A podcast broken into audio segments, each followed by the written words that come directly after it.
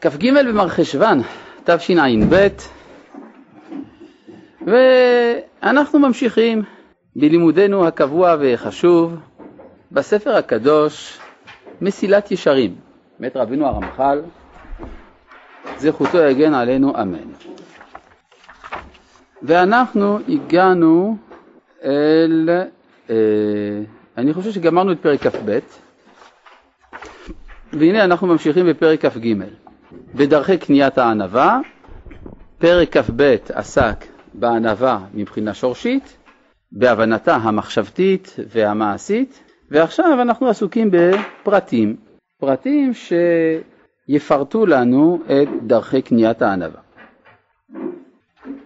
אז כך שאי אפשר לצפות מהפרק הזה שהוא ילמד אותנו מהי הענווה, או מה ערכה של הענווה. אלא הפרק הזה בא אחרי שהבנו את מהותה ואת ערכה, אז יש מקום לדרכי קנייה, קנייתה. אבל אי אפשר להפוך את הענף לשורש. אני אומר את זה כי אפשר לטעות בזה. כן, הפרק הזה הוא בעצם בא, הוא בא אחרי ההכרה. בואו נקרא. שיניים הם המרגילים, אז מה יעשה אדם שלא היה בשיעור הקודם, או בשיעורים הקודמים? ילמד, ילמד את פרק כ"ב. טוב. שניים הם המרגילים את האדם אל הענווה, הרגילות וההתבונן. רגילות זה דבר מאוד מעניין. יש בתפילה אנחנו אומרים, ותרגילנו בתורתך. מה, מה זה הסיפור הזה של ההרגל, תרגול? יש אפשרות לומר שהתרגול זה בא בגלל ה... אה, כדי להפוך את האדם לאוטומט קצת, כן? יש איזה רתיעה מן התרגול. כי התרגול זה אומר, אה, בעצם אל תחשוב יותר מדי, תתרגל. אתה הופך להיות, אה, כמו בשיטה של פבלוב, כן, יש רפ, רפלקס מותנה, אין, תגובה מותנית של האדם, שכל פעם שהוא בסיטואציה מסוימת אז הוא מגיב באופן מסוים כבר קבוע מראש. מה מפריע לנו בזה? שהרי האדם הוא לא מכונה, האדם הוא קודם כל בחירה, הוא חופש, הוא חירות. והחירות הזאת באה לידי ביטוי בהתנהגות, וכאן אתה אומר לעשות תרגולים. קצת מוזר הדבר הזה. אלא שצריך להבין את זה אחרת. התרגול בא כדי להחדיר בתוך הנפש דברים שהם טבעיים בנשמה. למשל, אם אני אומר, זו טעות אה, מצויה בחינוך, אני אומר, תלמידים יקרים, היום אנחנו נלמד על התפילה. תדעו לכם שהתפילה היא הדבר הטבעי ביותר לאדם. אז התלמיד שומע, אומר, מה? הוא אומר שהתפילה זה טבעי? הרי אני לא רוצה לקום בבוקר, אני טוב לי בפוך. אז מה הוא אומר לי שזה טבעי? שזה טבעי? אלא לא, יש כאן סכנה, סכנה חינוכית ממשית באמירות האלה. האמת היא אחרת לגמרי. התפילה זה טבעי לנשמה שלי, לא לנפש. אני באופן טבעי, אני נפש, זה מה שאני. והנפש שלי דווקא מנפש בהמית, טוב לה מתחת לפוך, ורע לה לקום בבוקר בקור וללכת להניח תפילין, קשה לה. אבל אני בכל זאת מעוניין להרגיל את הנפש לקום מהמיטה ולהניח תפילין, כי הנשמה שלי אצלה זה טבעי. ולכן אחרי שאני הגעתי להכרה שאכן בנשמה שלי הדברים האלה הם כן טבעיים שם, בטבע הנשמתי, אז יש מקום לתרגול. התרגול עוזר לי להחדיר את הנשמה בתוך הנפש. עד כאן מובן? טוב, אם זה כך, אנחנו יכולים עכשיו עם פחות חששות לגשת לנושא התרגול. שניים הם המרגילים את האדם אל הענווה, הרגילות וההתבונן. הרגילות, הוא שיהיה האדם מרגיל עצמו, מעט מעט, והתנהג בשפלות על הדרך שזכרנו. בישיבת המקומות הפחותים וללכת בסוף החברה, ללבוש בגד, בגד צנועים, דהיינו מחוברים אך לא מפוארים. כלומר, יש התנהגויות שהן ההתנהגות של בעל הענווה. כן? אז זה לא שזה עצמו הענווה, אבל זה מרגיל את האדם לענווה. כן? נגיד יש מקומות ישיבה, מקום מכובד, שולחן הכבוד, הוא דווקא לא יושב בשולחן הכבוד. כן? אה, הוא הולך במקום שבו הוא לא בולט. הבגדים שלו בגדים רגילים. שימו לב, בגדים רגילים זה לא בגדים מרופטים, זה בגדים רגילים. יש בגד שמושך תשומת לב, יש בגד שלא מושך תשומת לב. הבגד שלא מושך תשומת לב הוא הבגד הרצוי. כן. אה, אז מה שנקרא, בישיבת המקומות הפחותים ללכת בסוף החברה, ללבוש בגד צנועים, דהיינו מכובדים, אך לא מפוארים. כלומר, הבגד צריך להיות מכובד, אך לא זה שכולם יסתכלו, וואו, איזה בגד הוא לובש. כי בהתרגלו בדרך הזה, תיכנס ותבוא הענווה בליבו מעט מעט, עד שתיקבע בו כראוי. כי הנה, בהיות טבע לב האדם לזוח ולהתנשא, קשה עליו לעקור מעיקרה הנטייה הטבעית הזאת. שימו לב שלפי הרמח"ל, הענווה היא לא טבעית. 아, יש פה שאלה של צופה קבוע, שהוא מעיר, נראה לי שבשיעור הקודם טרם סיימנו את פרק כ"ב. אה, אז אם כך טעות עשינו, אז צריך לסיים את פרק כ"ב. כן, בפסקה האחרונה. כן, אני הרגשתי את זה גם, כן, היה לי ספק. אז בואו נראה עוד פעם את הפסקה האחרונה של פרק כ"ב. לא, בעצם החלק הרביעי. כן, אתם צודקים. סליחה, זה שתי פסקאות לפני הסוף. אז זה לעולם לא מאוחר כדי לתקן, הבה נתקן. החלק הרביעי. החלק הרביעי בענווה המעשית.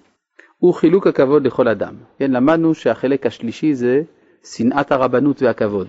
אבל למדנו שאף על פי שאתה צריך לברוח מן הכבוד, אתה צריך לתת כבוד לאחרים, ואז אנחנו עמדנו על הקשיים שיש בדבר הזה, איך אפשר לתת כבוד כשבעצם צריך לברוח מהכבוד. אבל כך, אה, אחרי שהסברנו את זה בשיעור הקודם, החלק הרביעי, אז אפשר לקרוא, החלק הרביעי הוא חילוק הכבוד לכל אדם. וכן שנינו, איזה הוא מכובד המכבד את הבריות. מסכת אבות, כן? איזה הוא חכם הלומד מכל אדם, או הרואה את הנולד. איזה הוא גיבור, יש שתי גרסאות. איזה הוא גיבור, כובש את יצרו, איזה הוא עשיר, שמח בחלקו, איזה הוא מכובד, המכבד את הבריות. ואמרו עוד, מניין היודע בחברו שהוא גדול ממנו אפילו בדבר אחד, שחייב ינהגו כבוד. זה למדנו מדוד המלך, כן? שצריך לך לחלוק כבוד למי שגדול ממך. למשל, אתה לא יודע אה, לשתול שתילי נענע, והחבר שלך יודע, אז צריך לכבד אותו על זה שהוא יודע לשתול שתילי נענע. יש לו מה ללמד אותך, הוא, ב, הוא עליון ממך בנקודה הזאת. כן? אה, ועוד שאני, בכלל צריך, כן, שתילי נענע זה דבר שצריך לדעת איך לשתול אותו, במצב מקום שיש בו אור, אבל גם לא יותר מדי קר, וגם לבדוק שאין תולעים וכו'. טוב, ועוד שנינו, הווה מקדים בשלום כל אדם, ואמרו עליו, על רבן יוחנן בן זכאי, שלא הקדים לו אדם שלום מעולם, ואפילו גוי בשוק. מה? מה זאת אומרת למה? הוא רוצה עכשיו לדבר על זה? למה? שלא הקדים בעולם. הוא תמיד היה הראשון שאמר שלום. כן, הוא ראה מישהו, עוד לפני שההוא מספיק להגיד לו שלום, הוא אומר שלום. כן, רבן יוחנן בן זכאי הוא אדם מכובד, הוא, הוא נשיא ישראל, הוא אחד מגדולי האומה. אז מה, הוא צריך להגיד שלום לאחרים? הם צריכים להגיד לו שלום. לא. אף על פי שלכאורה הכבוד ראוי לו קודם, הוא מקדים, אפילו לגוי. זה מידת חסידות, אבל... זה כן, ככה, אבל אה, בסדר, אבל גם מידת חסידות יש מה ללמוד מזה. מידת חסידות שזה, מה? אפילו גוי, כן, נכון. זאת אבל מצד מה, למה באמת הוא רצה להקדים שלום לגוי? אתה יכול להגיד מצד דרכי שלום. אפשר להגיד מצד שהאדם הוא ראוי לכבוד. אפילו גוי ראוי לכבוד. הרי הוא בריאה של הקדוש ברוך הוא והוא נברא בצלם אלוהים. נכון, אפילו גוי, כי הרי בגוי אתה במלחמה, אז אין שלום, נכון? לא תמיד, אבל לפעמים כן. זאת אומרת, עם, עם הגוי אנחנו במצב שהשלום הוא לא דבר מובן מאליו. בשוק אפילו ברחוב. שוק זה רחוב, אצל חז"ל. הוא מדבר עכשיו, אפילו פגש סתם איזה גוי בשוק, אמר לו שלום. ולומר שלום זה לא דבר פשוט, כי שלום זה שמו של הקדוש ברוך הוא, הרי למה תקנו לומר שלום? זה תקנת חכמים, שחייבים להגיד שלום, כדי שיהיה שם שמיים שגור בין הבריות. שם שמיים זה שלום. כן. אז על זה יש אה, ברב קוק הרבה, על בעולת אה, ראייה, למשל על ההלכה שאסור לתת שלום לחברו לפני התפילה. כל הנותן שלום לחברו קודם שיתפלל, כאילו עשהו במה. כי הרי שלום זה שמו של הקדוש ברוך הוא, אז מה אתה נותן שלום לאחרים? אלא הכוונה שאתה לא יכול לבנות את השלום באמת לא מתוך יחס אל הקדוש ברוך הוא. כי אם השלום הוא רק בינינו, בלי הקדוש ברוך הוא, אז זה שלום אינטרסנטי. כדאי, אני לא אהרוג אותך, כדי שלא תהרוג אותי, בוא נעשה שלום. זאת אומרת שברגע שאני אהיה בטוח שאני יכול להרוג אותך בלי שתהרוג אותי, אז באמת האינטרס כבר בטל, כי אולי כדאי לי להרוג אותך. מה שאין כן, אם אני אומר שלום, כדי, כי, כדי ששם שמיים יחול בינינו, אז זה ערך עצמי, גם אם יש לי נזק מן השלום הזה, אני אתן לך שלום. כן, אה, וכבר סיפרו זיכרונם לברכה, יש באמת שאלה, אדם פוגש אותך לפני תפילת שחרית, להגיד לו שלום או לא? אז יש כאלה, אז יש כאלה שאמרו לא להגיד שלום, אלא צפרתבה, בוקר טוב, דברים כאלה. אבל זה מחלוקת הפוסקים, כי מה שאמרו שאסור לתת שלום לחברו, הכוונה ללכת אליו. בוא נעשה אצלו ביקור. לפני התפילה, אני בדרך, אני, אני עוצר לבקר אצלו, או אני עובר את הכביש כדי להגיד לו שלום. או אני עושה קידה מיוחדת, אבל סתם אמירת המילה שלום, אז יש הרבה פוסקים שאמרו שאין בזה איסור, והרב צבי יהודה קוק היה כן נוהג לומר שלום, מפני שגדול השלום, ולכן לא היה נוהג כדעת המחמירים בזה. כן, ראיתי תלמידי חכמים גדולים שכן מקפידים על זה, וכן אומרים צפרתה, אבל צריך לדעת שיש גם צד לומר כך. כן, אה, ואפילו גוי בשוק. ובין בדיבור, ובין במעשית, חייב לנהוג כבוד בחבריו. וכבר סיפרו זיכרונם לברכה מ-24 אלף תלמידי רבי עקיבא, שמתו, על שלא היו נוהגים כבוד זה לזה. זה דבר תמוה מאוד, כן? איך זה שלא לא נהגו כבוד זה בזה, קודם כל למה הם לא נהגו כבוד? מה אכפת להם לנהוג כבוד? אבל בגלל זה מתו, כן? זה קשה מאוד הדבר הזה. לא, אבל עד כדי כך שמתו 24 אלף אנשים ככה? איך הם מתו בכלל? במלחמה, נכון? מגפה, כן. אז תלוי. בגמרא כתוב שמתו באסכרה. אסכרה זה, זה סוג של אה, מחלה, מחלה של מחנק. כן? אדם לא יכול לנשום יותר, מת. כן, משהו כזה. הוא מת, הם מתו מזה. אומרים בגלל שזה, הכבוד זה בדיבור, אז זה כיוון שהם היו פגועים בדיבור. זה. אבל אה, זה בעצם מה שזה כתוב בגמרא, אבל זה לא האמת ההיסטורית. האמת ההיסטורית היא שהם מתו במלחמה, מלחמת בר כוכבא, כפי שמפורש באיגרת רב שירה גאון. רב שירה גאון מסביר שאבה שמדה על תלמידו דרבי עקיבא, היה שמד על תלמידי רבי עקיבא. מה זה שמד? שמד זה מלחמת בר כוכבא, בכל מקום זה לחז"ל. כן? השמד זה מלחמת בר כוכבא. אז הם מתו במלחמה. הרי כתוב שהם היו בין גבת לאנטיפרס. בין גבת לאנטיפרס זה אזור הקרבות באותם הימים. אז הם מתו בקרב. אז זה הסיבה שהם מתו. זה לא... למה הם מתו במלחמה? למה? בגלל שלא נהגו כבוד. אז עכשיו אני מבין, במלחמה, אם אדם לא מכבד את חברו, אז הוא לא שומע פקודות של חברו, אז הוא לא אכפת לו, אז בסוף מתים במלחמה. פשוט מאוד. ועכשיו זה מובן. כן, זה... כל אחד עשה את מה בראש שלו. במלחמה, אם כל אחד עושה מה בראש שלו, אתה, אתה לא מנצח. כן? מה? כן, אז זה, זה במרחק ההיסטורי, זה מה שזה הופך להיות. זאת אומרת, למה, למה הגמרא לא אומרת את האמת ההיסטורית, נכון? זו השאלה שלך? למה, למה היא לא אומרת את האמת ההיסטורית? זו השאלה שלך? כן. אז uh, התשובה היא פשוטה מאוד. קודם כל הגמרא לא אמרה את ההפך של, של, של, של ההיסטוריה, כתוב ככה, ש-24, 12 אלף זוגות תלמידים היו לו לרבי עקיבא בן גבת לאנטיפרס, וכולם מתו במיטה רעה. כך כתוב, בגמרא ביבמות. כתוב מתו במיטה רעה. ואחר כך הגמרא שואלת, מהי מיטה רעה? ואז רב נחמן אומר, אזכרה. אז שים לב שבמקור, שהגמרא מביאה, הברייתא שהיא מביאה, לא כתוב שזה באזכרה. כתוב שהם מתו מיטה רעה. רגע, רגע. אזכרה. כן, אזכרה, זה מיטה קשה. כן, אבל מיטה רעה יכול להיות גם עוד כמה דברים. הרי כתוב, מה ההפך של רעה? בחז"ל יש, יש ביטויים הופכיים, או רעה או יפה. תאנים רעות, תאנים יפות, נכון? אז באמת מצאנו, מיטה טובה לא מצאנו, אבל מצאנו מיטה יפה אצל חז"ל. ברור לא מיטה יפה. על מה זה נאמר? זה לגבי מיטת החרב שם. הגמרא דנה האם זה בסדר לחתוך את הראש בסייף, הרי זו מיטה מנוולת, זה לא מיטה יפה, כן, והרי התורה אמרה ברור לא מיטה יפה, ואהבת לרעך כמוך. אבל משמע שמיטה רעה זה מיטה בחרב. אז מתו מיטה רעה, מה? כאילו, נכון, בחרבות, במלחמה. אז עכשיו, רב נחמן, כששואלים אותו מהי מיטה רעה, הוא לא מדבר על הברייתא, הוא אומר מיטה רעה זה אזכרה, זאת אומרת בעלמא, מיטה רעה זה אזכרה. יש גם, יש אומרים שזה רמז בשפה הערבית אסכר זה גדוד, אז הם מתו במלחמה, בגדוד, יכול להיות. מה אתה אומר? יכול להיות שאזכרה זה חרחור. בסדר, לא, אה, אה, חרחור שבמלחמה. כן, באמת. יכול להיות גם, אה, בסדר. אבל מה שלא יהיה, יש לנו מסורת אצל רב, רבינו הגאון, שאומר שזה היה בשמד. אז מה שלא יהיה, תלמידי רבי עקיבא, הייתה איזושהי בעיה. יכול להיות שאם הם היו מלאי אהבה אחד לשני ומכבדים אחד את השני, באמת לא היו נופלים במלחמה. כן. שלום לרב שרקי, האם אלה המתעוררים בבוקר בקלות לעבודת הבורא הינם בחזקת בני העולם הבא? ויתר הציבור שאינו מתעורר בבוקר בקלות הם בחזקת אלה שיש להם חלק בעולם הבא? תודה.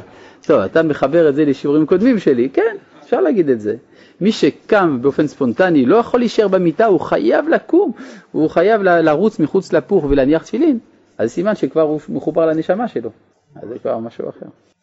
כן, אז הוא בן העולם הבא. טוב, בואו נמשיך. אה, וכמו שהביזיון הוא דבר מתייחס אל הרשעים, כדבר הכתוב שזכרנו בבוא רשע בא גם בוז, כן הכבוד מתייחס אל הצדיקים, כי הכבוד שוכן עמהם ואינו מתפרש מהם, כלומר אינו פורש מהם, ואומר ונגד זקניו כבוד. כן, זה פסוק, כי מלאך השם צבאות בציון, ונגד זקניו כבוד. מעניין, זה, יש הערה של הרב קוק על זה באורות הקודש, חלק ג', על ההבדל בין היחס אל הזקנים ביהדות וביווניות. כן, שאריסטו כתב בספר הפואטיקה, אני חושב. אריסטו כתב שהעולם שייך לצעירים. כן, זאת אומרת, הוא אומר שעיקר החברה זה האנשים הצעירים, החזקים, היפים, היצרניים, והזקן אינו אלא מתגעגע לעולמם של הצעירים, אבל הוא בעצם כבר לא רלוונטי, נכון? והרב קוק אומר שזה עצמו, האמירה הזאת של אריסטו היא הראייה לדלות של שיטתו. כי איך יכולה להיות שיטה שאיננה נותנת מקום לכל? ולכן אדרבה, הנביאים אמרו ונגד זקניו כבוד. כן? כלומר, חברה שבה יש מקום רק לסוג מסוים של זהות, היא חברה חסרה. אה, לכן, למשל, אחד הדברים הבולטים בעברית המודרנית, לא אומרים זקן, זה נחשב למילה רעה.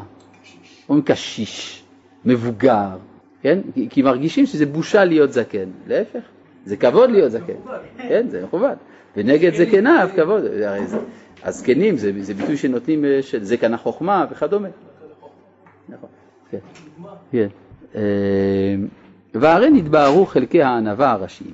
עד כאן בעצם החלק הרביעי שהוא חילוק הכבוד לכל אדם, והרי נתבהרו חלקי הענווה הראשיים ופרטיהם ככל פרטי המינים המתרחבים והולכים לפי הנושאים ולפי העיתים והמקומות. לכן באמת רמח"ל אומר, אני לא יכול לכתוב לך את כל הצדדים של הענווה, יש כל מיני אופנים. ישמע חכם ויוסף לקח, והנה זה ודאי, שהענווה מסירה מדרך האדם מכשולות רבים. אדם שיש לו ענווה אז הוא לא כועס, הוא לא בלחץ, הוא גם לא מתבזה, באמת, מצד האמת, הוא מכובד. כן? הוא מקרב אותו אל טובות רבות, כי הענב יחוש מעט על דברי העולם, ולא יקנא בהבליו. ועוד, הרי למשל אדם שיש לו גאווה, אז הוא חייב לעבוד קשה מאוד, כי הוא צריך שהרכב שלו לא יהיה פחות טוב מהרכב של חברו. אז מהגאווה הוא מגיע לקנאה ולשנאה ולתחרות. בקיצור, הוא מכלה את חייו רק בגלל הגאווה. ולא עוד, אלא שבסוף הוא אפילו את מה שהוא רצה להשיג איננו משיג, כי כולם צוחקים עליו. אז מה, הענווה היא לשם תועלת? זה פה, יש צד של תועלת בענווה. לא, לא אמרנו שהענווה היא רק זה, אבל פה הוא דיבר על התועלת. מה? צד של תועלת. יש גם צד של תועלת, זה מה שהוא אומר.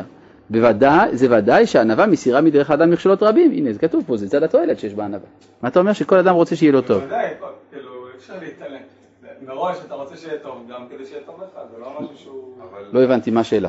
על מה אתה מקשה? לא, אני לא מקשה, אני אומר באופן כללי, כאילו, שהרבה פעמים מסתכלים גם על ענווה. סמטה לתועלת, לא, אבל זה ברור ש... לא, אני לא, אני לא ענוותי. זה לא שאלה. לא, לא, לא, לא, רגע, רגע, בוא נדייק.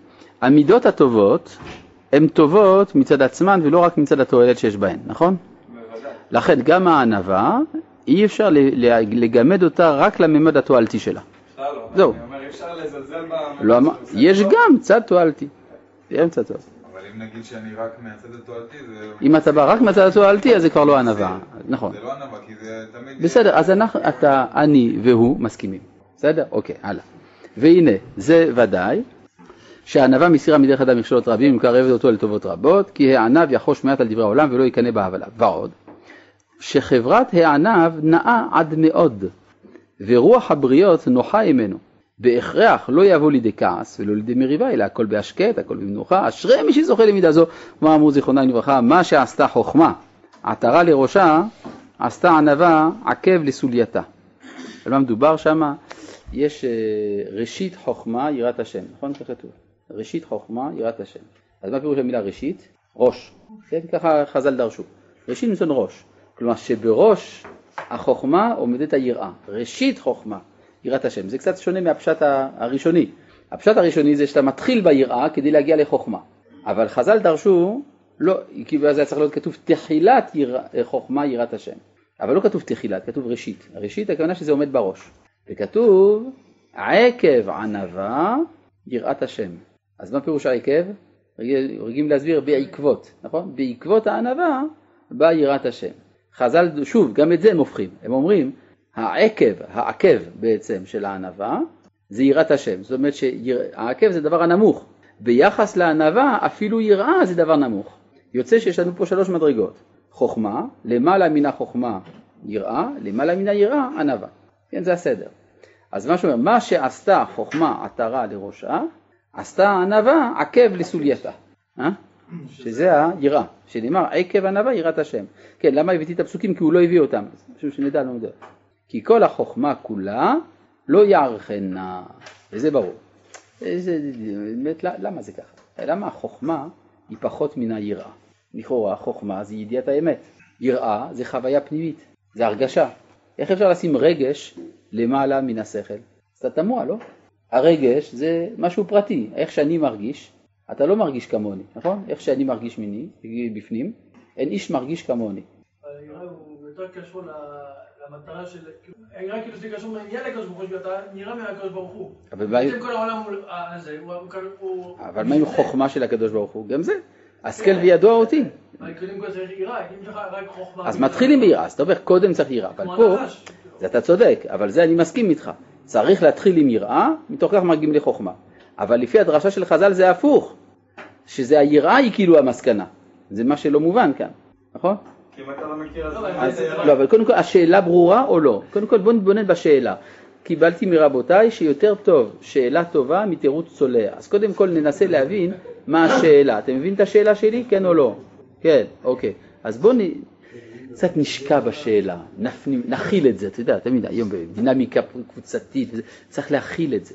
אז אנחנו צריכים להכיל את הקושייה, בסדר? אה, זה, זה, נורא מדבר אליי. מה, מה אתה אומר? זה הבאת פסוק. אז הבאת פסוק שאומר את זה. סוף דבר הכל נשמע את האלוהים יראה. בסדר, אז זה פסוק. אני רוצה להבין את הפסוק. אני רוצה להבין למה היראה היא המסקנה. אז הרב קוק מסביר בעין היה דבר מאוד מעניין. אה, הרי כל ההכרות של האדם הן הכרות סובייקטיביות, נכון? בסופו של דבר. אין ידיעה אובייקטיבית מחוץ לנפש. כל ההכרות שלנו הן הכרות סובייקטיביות. אז כל ההכרות הן דומות ליראה. אם אני חושב שיש לי ידיעה אובייקטיבית של המציאות, אז אני רחוק מן האמת. אם אני יודע שאני סובייקטיבי, אני קרוב יותר אל האמת. יוצא שהמסקנה של החוכמה זה היראה. היראה זה כוונה ההכרה הסובייקטיבית. מעניין. טוב, אה, רצית להגיד משהו? טוב, בסדר. אה, ובכן רבותיי היקרים, מאחר וסיימנו בשעה טובה את פרק כ"ב, אנחנו עוברים לפרק כ"ג, בדרכי קניית הענווה. אז אה, הענווה יש לה שני צדדים, הצד התיאורטי הכללי והצד הפרטי הטכני. הצד הפרטי הטכני זה דרכי קניית הענווה. אז אי אפשר לטעות, לחשוב שהצדדים הטכניים הם הענווה, אחרי שאדם הגיע להכרה של הערך של הענווה, אז יש מקום גם לתרגול הטכני. שניים הם המרגילים את האדם אל הענווה, הרגילות וההתבונן. הביטוי הרג... רגילות, למשל הרגל, יש בזה איזושהי רתיעה בנפש היהודית. הכיצד? אני רוצ... רוצים ממני שאני אתרגל או אתרגל, וכי אני מכונה, תשובה. אני צריך קודם כל להכיר שיש לי טבע נשמתי, רק שהטבע הנשמתי צריך לחדור אל הטבע הנפשי. יש ניגוד בין הטבע הנשמתי לטבע הנפשי. הטבע הנשמתי אומר שאני רץ להתפלל עם תפילין בבוקר בקור, והטבע הנפשי אומר ההפך, תישאר מתחת לפוך. אלא מה? פוך זה דוגמה, יכול להיות גם סתם שמיכה או אפילו שמיכת קיץ, סטיילות, כן? אבל כל פנים, או בסאונה, אה, אבל כל פנים, אה, ברגע שיש לי הכרה שיש הפרש בין הטבע הנשמתי לטבע הנפשי, אז אני רוצה שהטבע הנשמתי יחדור לתוך הטבע הנפשי, ואז אני מתרגל, כביטוי ותרגילנו בתורתך. קוראים לזה דז'ה טוב, שניים הם, אז, אז הרגילות וההתבונן. הרגילות הוא שיהיה אדם מרגיל לעצמו מעט מעט בהתנהג בשפלות על דרך שזכרנו, בישיבת המקומות הפחותים וללכת בסוף החברה, ללבוש בגדי צנועים, בגדי צנועים דהיינו מכובדים ואך לא מפוארים. כי בהתרגלו בדרך הזה תיכנס ותבוא הענווה בליבו מעט מעט עד שתיקבע בו כראוי כי הנה בהיות טבע לב האדם לזוח ולהתנשא קשה עליו לעקור מעיקרה הנטייה הטבעית הזאת. שימו לב אם כן אומר הרמח"ל שהגאווה זה טבעי והענווה לא טבעית. הפך מה שאולי כמה מחנכים טועים רוצים ללמד. לא, הענווה זה לא טבעי, אלא הענווה צריך ללמוד. מדוע הטבע של האדם זה ההתנשא, לזוח דעתו ולהתנשא? כי לכל אדם יש מודעות לאני שלו. יפה, כי באמת יש באני שלי חלק אלוהי, אני חלק אלוה ממעל.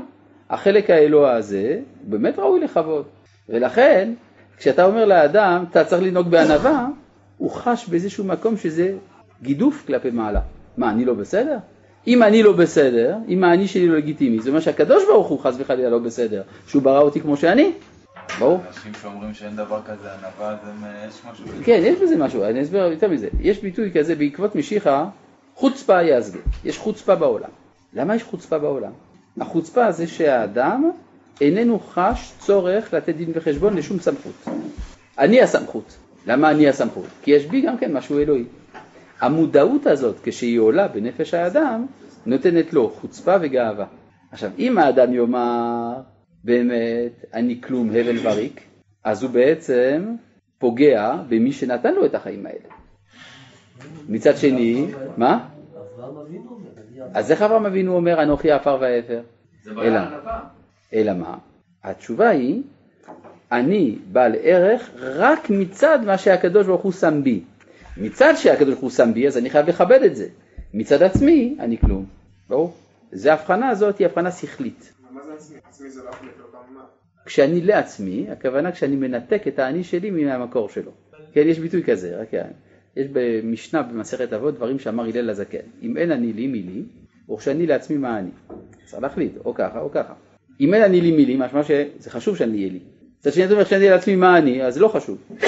צריך להחליט.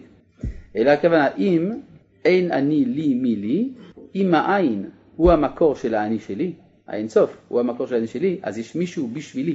אז אני עומד בקשר עם מי שאמר והיה האני שלי. ולכן האני שלי הוא בעל ערך. וכשאני לעצמי, זה שאני לוקח אותו כיחידה עצמאית ומנתק אותו משורש החיים שלו, אני הופך להיות מה. מה אני? אני הופך להיות סובייקט, אה, אובייקט ולא סובייקט. אני הופך להיות חפץ, דבר. הבנת? כי, אז, כי הכל הופך להיות משחקי כוח. יש האני שלי, האני שלך. בוא נראה מי יותר חזק. אז זה הופך להיות קטן מאוד. זה כוח מול כוח. מה שאין כן, כשאני מול הבורא, הכוח שלי הוא אינסופי. כן, מה אתה אומר? אני שואל לגבי, כן, אומרים, דווקא על משה רבנו שהוא ענב מכל אדם, הוא אמר דווקא הוא מה? זאת אומרת, כאילו, מבחינת שכאילו, אני לא עפר ולא עפר, יש לי איזה משהו, מה, לא יודע, אבל... כן, ואנחנו מה? יש לי ערך קושי, כאילו, אני יש אני, כאילו... כן, אבל... לא פחות ממה שאני... אז אני משהו עדיין. כן, לכן הזוהר אומר שדוד המלך היה יותר ענב ממשה. שהוא אמר, ואנוכי תולעתי... כתוב בתורה עצמה שאין דבר כזה. מה, כתוב בתורה, והאיש משה ענב מאוד. נכון? מכל האדם השווה האדמה. זה קובע. כן, כי עוד לא נולד דוד. דוד עוד לא נולד. דוד יותר ענב ממשה. אבל בכל זאת צריך להבין למה. כן, וכי משה יש לו פגם, אלא הכוונה שמשה היה במדבר ודוד בארץ ישראל. מי שנמצא במדבר, כדי להצליח במשימה שלו הוא צריך קצת להתנשא. מה שאין כן דוד שהוא בארץ ישראל, הוא שואב מן האומה. לכן הוא לא צריך שום התנשאות אישית. כלומר, זה לא שדוד פחות, יותר טוב ממשה, אלא שמשה אין לו התנאים המאפשרים את גילוי הענווה של דוד. מה? זה מה שהוא אומר למיכל. אה, אבל זה... כן, נכון, שנקילותי עוד מעט. אבל מצד שני, משה זה יותר עבודה, זאת אומרת. זאת אומרת, העבודה שלו נכון. הוא עשה בעצם. כן, כן, לכן אנחנו לא באים בטענות לא למשה ולא לדוד, אנחנו מסבירים רק את ההפרש של המצבים. כן, אבל אני רוצה לחזור לנקודה שהעלית שם. אה, יש אה, ספק גדול האם האני שלי הוא לגיטימי, האם בכלל האני שלי קיים, נכון? יש ספק כזה. אה, למשל, למשל במיסטיקה המזרחית, במיוחד בבודהיזם, אומרים שהאני זה אשליה. זה אשליה שיש לי אני, מצד האמת אין לי אני, כשאני אגיע להבנה הזאת, אז הגעתי אל הדעת האמיתית. זה מה שמלמדים ב... מה? זה הנחת יסוד שמצויה במיסטיקה הבודהיסטית. של הבודהיסטים הם אומרים שבעצם האני זה סוג של כלום. האמת היא, גם אלוהים אצלם לא קיים, כלומר זה, זה דת בלי אלוהים, אז ממילא אם הדת יכולה להיות בלי אלוהים אז גם אני יכול להיות בלי אני, כן, משהו כזה. זה, זה השיטה שלהם, כלומר זה, זה מין אובדן מוחלט, התמוססות מוחלטת של הזהות, זה האידאל אצלם, כלומר זה נירוונה. ב... בפילוסופיה המערבית, לעומת זה, מצאנו מי שאמר שאני שלי ודאי שהוא קיים, כן? זה דקארט הוא אמר, נכון? אני חושב, משמע אני קיים. הספק שלי מעיד על קיומי, קוגיטו, ארגו, סום. אני חושב, משמע אני קיים. עד כאן דברי הגאווה של הפילוסוף המערבי. מה הבעיה בזה, באמירה הזאת? הבעיה היא שכשאתה אומר, אני חושב, מי הרשה לך להשתמש במילה אני? הרי עוד לא הוכחת שהאני קיים. אלא מה? אתה בעצם לוקח כהנחת יסוד את מה שאתה רוצה להוכיח. ברור שאתה תגיע למסקנה שהאני שלך קיים, כיוון שאתה הנחת אותו כהנחת יסוד, אבל זה לא לגיטימי, יש פה גאווה. קודם כל תוכיח שהאני קיים, תגיד אחר כך אני חושב. אז אנחנו נמצאים במלכוד בין הבודהיזם לבין הפילוסופיה הקרטזיאנית, מה עושים? אין לנו ברירה אלא לפנות אל היהדות. מה אומרת היהדות? מודה אני. כלומר, האני שלי מקבל את הופעתו מכוח ההודעה. כיוון שיש מישהו שרצה שהאני שלי יהיה קיים, אז הוא קיים. וזה המשך של הביטוי, לפניך. מתי יש לי אני? לפניך. אני אסביר את זה בשפה של הרב קוק, זה יותר פשוט. כן, אה, מה אומר הרב קוק בעולת ראייה, חלק ראשון, בעמוד א', כן? זה דבר ראשון שהרב קוק מסביר שם. האדם מוצא את עצמו בעצמו. איך? על ידי אור החיים האלוהיים המופיעים בקרבו, הממלאים אותו ברוח הטוב של רגש התודה. כלומר זה מוסרי, זה מתחיל מהמוסר. של הכרת הטובה האלוהית והפתעתה. שאני אמרתי את המילה מודה. מודה משמע אני. כן? כי במה נחשב האדם? בחלישות כוחו, באפסיותו וזעירותו, נגד כל היקום הגדול והעצום. כן? היה גוי אחד, הוא אמר, סרטר זה היה, הוא אמר, הגהינם זה האחר. האחר מאיים עליי. עכשיו תארו לעצמכם, היום יש כמה בני אדם בעולם? יש כבר כמה ימים? שבעה מיליארד בני אדם, נכון? אז תארו כמה שבעה מיליארדים של גיהינם יש מסביב לי. אני, אני, אני לבדי מול כל אלה, עוד סיני. אה, מה יהיה? מה יהיה איתי?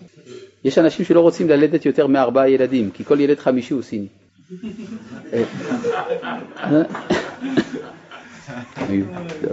אז אומר, אז אומר, כי במה נחשב האדם?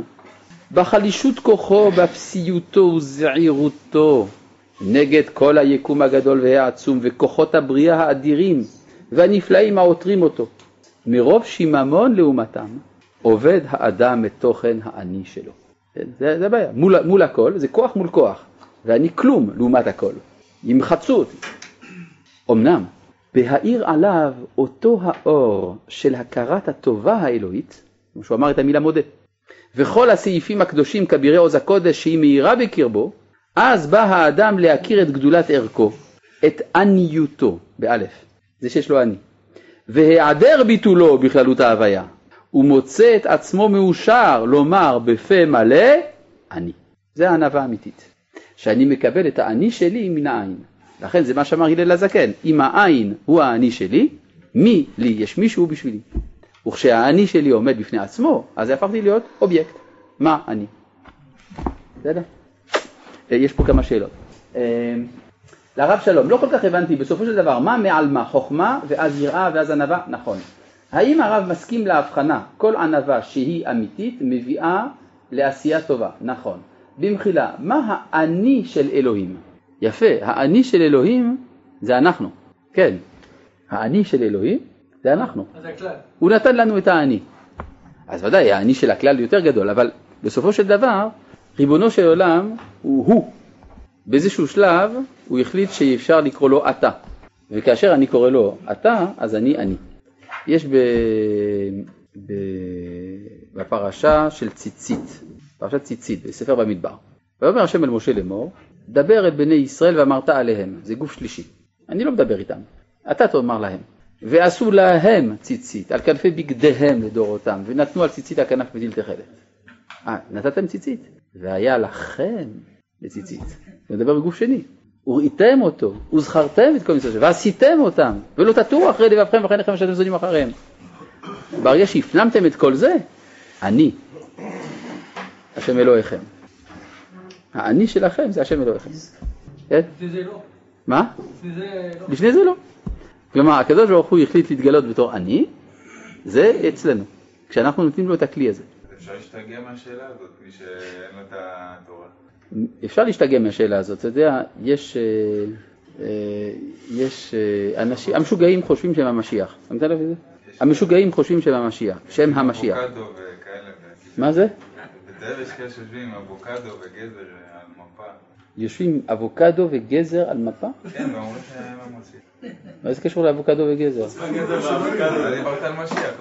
חוץ מהגזר ואבוקדו, אמרת יש כאלה שחושבים שהם משיח, אז אמרתי לך מי אלה. טוב, לא משנה. אז, אבל מה שיש, יש כאלה שחושבים המשיח, זה משוגעים. אבל משוגע בגמטריה אני משיח.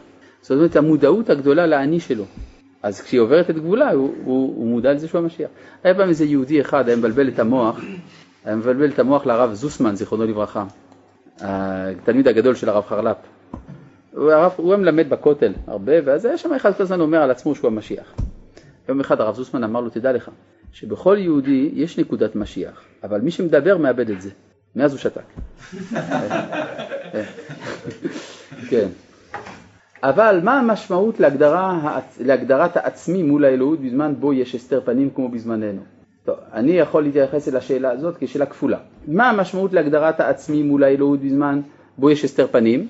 אדרבה, ההכרה שלה, שהאני שלי ניתן על ידי הבורא, זה עצמו בוקע את ההסתר פנים. כי ואנוכי אסתר אסתיר. כלומר, בתוך ההסתר יש אנוכי השם אלוהיך.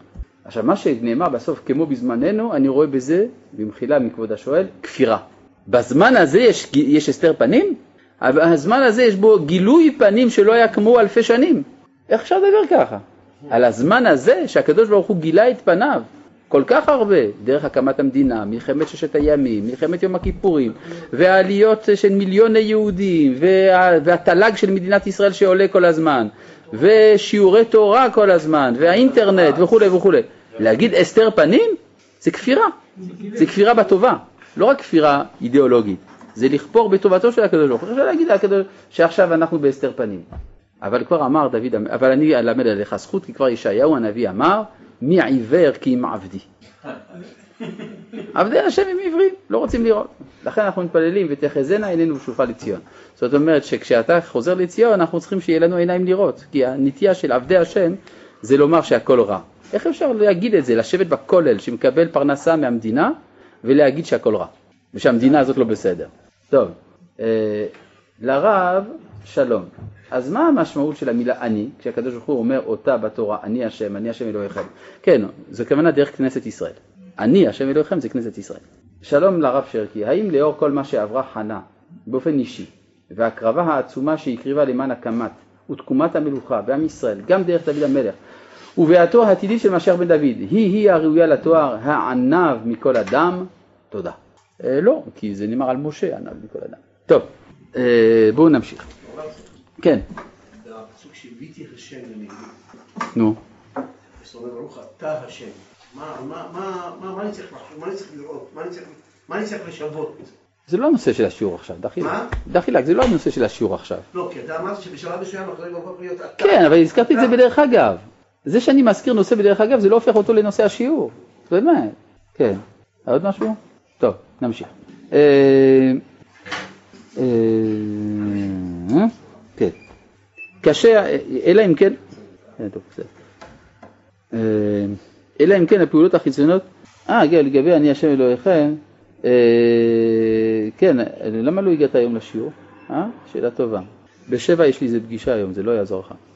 טוב, אלא אם כן הפעולות החיצונות המסורות בידו, אז זהו, כן, כי הנה, ביות טבע לב האדם לזוח ולהתנשא, קשה עליו לעקור מעיקר הנטייה הטבעית הזאת, אלא אם כן בפעולות החיצונות המסורות בידו ימשיך מעט מעט הדבר בפנימיותו הבלתי מסור לו כל כך. וכן העניין שביארנו בזריזות, שגם בזריזות יש איזה עניין של תרגול, שכל זה נכלל במאמרם זיכרונם לברכה, לעולם יהא אדם ערום ביראה, ערום הכוונה מתוחכם, דהיינו שיבקש תחבולות נגד הטבע ונטייתו עד שינצחם. זה אם כן הצד של התרגול. יש תרגול, לאט לאט האדם מתרגל לענווה. כן, כמו שאצל בעלי המוסר הם היו עושים תרגילים כאלה, שלמשל כדי לקנות מידת השפלות הם היו מתעקשים לקנות מסמרים בבית מרקחת ואז היו זורקים אותם בביזיונות וכולי והם היו מבסוטים, אה, ah, קניתי מידת השפלות. כן, זה קצת חולני, לומר את האמת. טוב, אך ההתבונן, זה צד של התבוננות בענווה, הוא על עניינים שונים. האחד הוא המוזכר בדברי עקביה בן מהללל. אה, יש פה שאלה. ההסתר פנים שאני מדבר עליו הוא מבחינה קיומית, ועל זה אין מה להתווכח. מי יכול לומר שהוא חש את נוכחות הקדוש ברוך הוא באמת? כל מי שאומר הלל ביום העצמאות. זה סימן שהוא חש את נוכחות הקדוש ברוך הוא באמת. טוב, אל תיקח את זה אישית, אני לא, לא, לא, אל, אני רק אמרתי מה שאני חושב, מבחינה חינוכית, מאוד שחשוב שאנשים ידעו שהשם גילה את פניו, כן? טוב, אז אתה צודק, לא שאין לנו נבואה, אה, אוי ואבוי, אין לנו נבואה. אה, טוב, אך ההתבונן הוא העניינים שונים. האחד הוא המוזכר בדברי עקביה בן מהללאל, דע, מאין באת? מטיפה סירוחה. ולאן אתה הולך? למקום עפר, רימה ותולעה. ולפני מי אתה עתין תדין וחשבון? לפני מלך מלכי המלכים הקדוש ברוך הוא. אגב, שאלה מעניינת, אם אני באמת טיפה סרוחה ורימה ותולעה, או אני בא משם והולך לשם, אז למה אני צריך לתת דין וחשבון? גם מה שבאמצע. כן, אבל למה שאני צריך לתת דין וחשבון לפני מלך מלכי המלכים הקדוש ברוך הוא, אם אני כזה לא חשוב? אתה עושה דין וחשבון עם מי שלא חשוב? מי שחשוב אתה עושה דין וחשבון, אבל אני כלום, אני טיפה סרוחה. מה אכפת לכם שם בדין של מעלה, מה אני עשיתי? אני סך הכל טיפה סרוחה, לא? אז ראיתי פעם, פעם ראיתי הסבר על דרך הוורט, אמרו, מאוד מאוד הווה שפל רוח, שתקוות אנוש רימה. זאת אומרת, מה התקווה של האדם שיעמוד בדין? שהוא יגיד, אני, אני בעצם זה רק רימה ותולעה, אני כלום. אז אה, אתה כלום? אז למה הקפדת על חברך כשהוא פגע בך? אה? אז לכן מאוד מאוד יש על רוח, כי שתקוות אנוש, התקווה שלך לעמוד בדין זה רימה, שאתה תגיד שאתה רימה. בסדר, אבל זה על דרך הדרוש. לא, אבל פה יש משהו רציני מאוד. מי שיודע שהוא בא מטיפה סרוחה, ושהוא הולך למקום עפר רימה ותולעה, אז הוא ראוי לתת דין וחשבון לפני מלך מלכי המלכים הקדוש ברוך הוא. כן? כלומר, אם לא, אז הוא באמת לא חשוב, אז הוא לא ייתן דין וחשבון לפני אף אחד. טוב, האמת היא שאם מסתכלים במשנה של עקביה בן מהללאל, זה בנוי משני חלקים.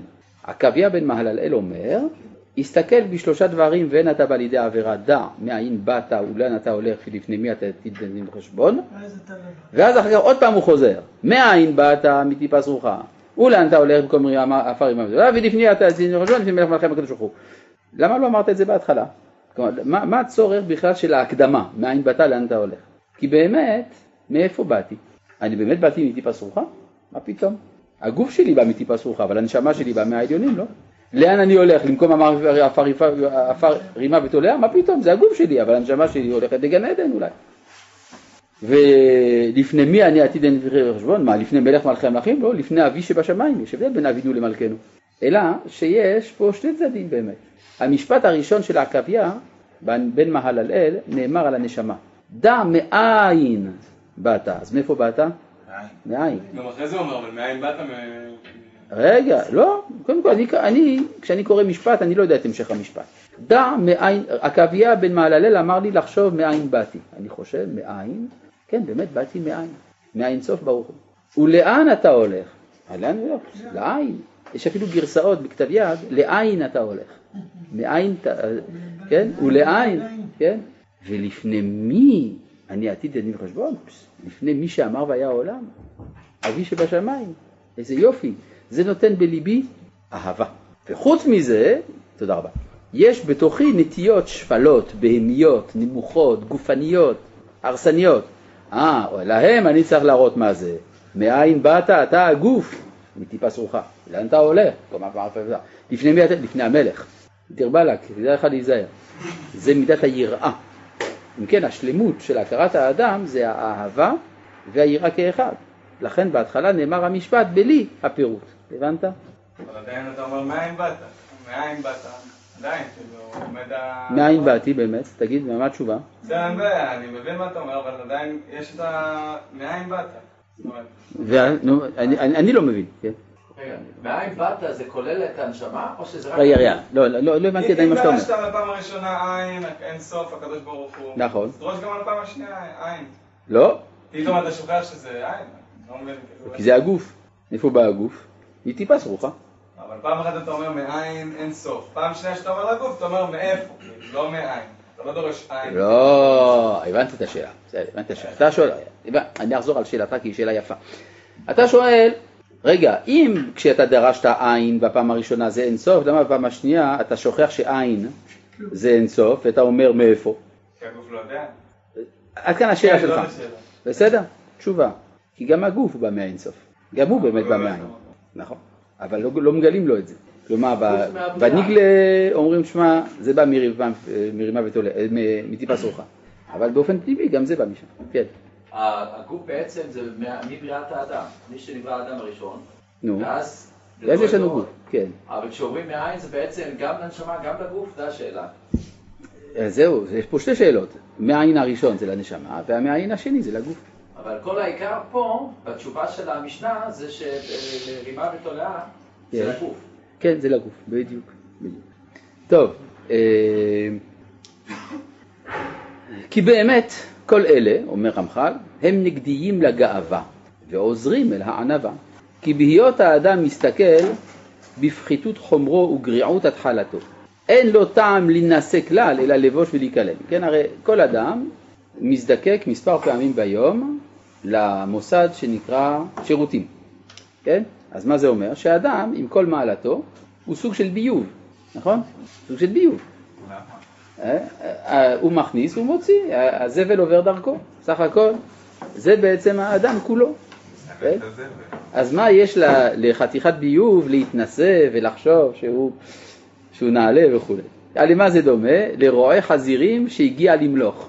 כל העת אשר יזכור ימיו הראשונים, אי אפשר לו שיתגאה. וכשיחשוב כמו כן, שבסוף כל גדולותיו ישוב לעפר, מאכל לתולעה.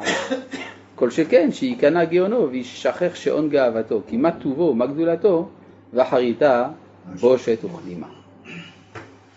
וכשיחשוב עוד, וידמה בליבו רגע היכנסו לפני הבית דין הגדול של צבא מעלה, בעת שיראה עצמו לפני מלך מלכי המלכים, הקדוש ברוך הוא, הקדוש הטהור בתכלית הקדושה והטהרה, בסוד קדושים משרתי גבורה, גיבורי כוח עושה דברו אשר אין בהם כל מום, והוא עומד לפניהם פחות, גרוע פחות ונבזה מצד עצמו, טמא ומגועל מצד מעשיו.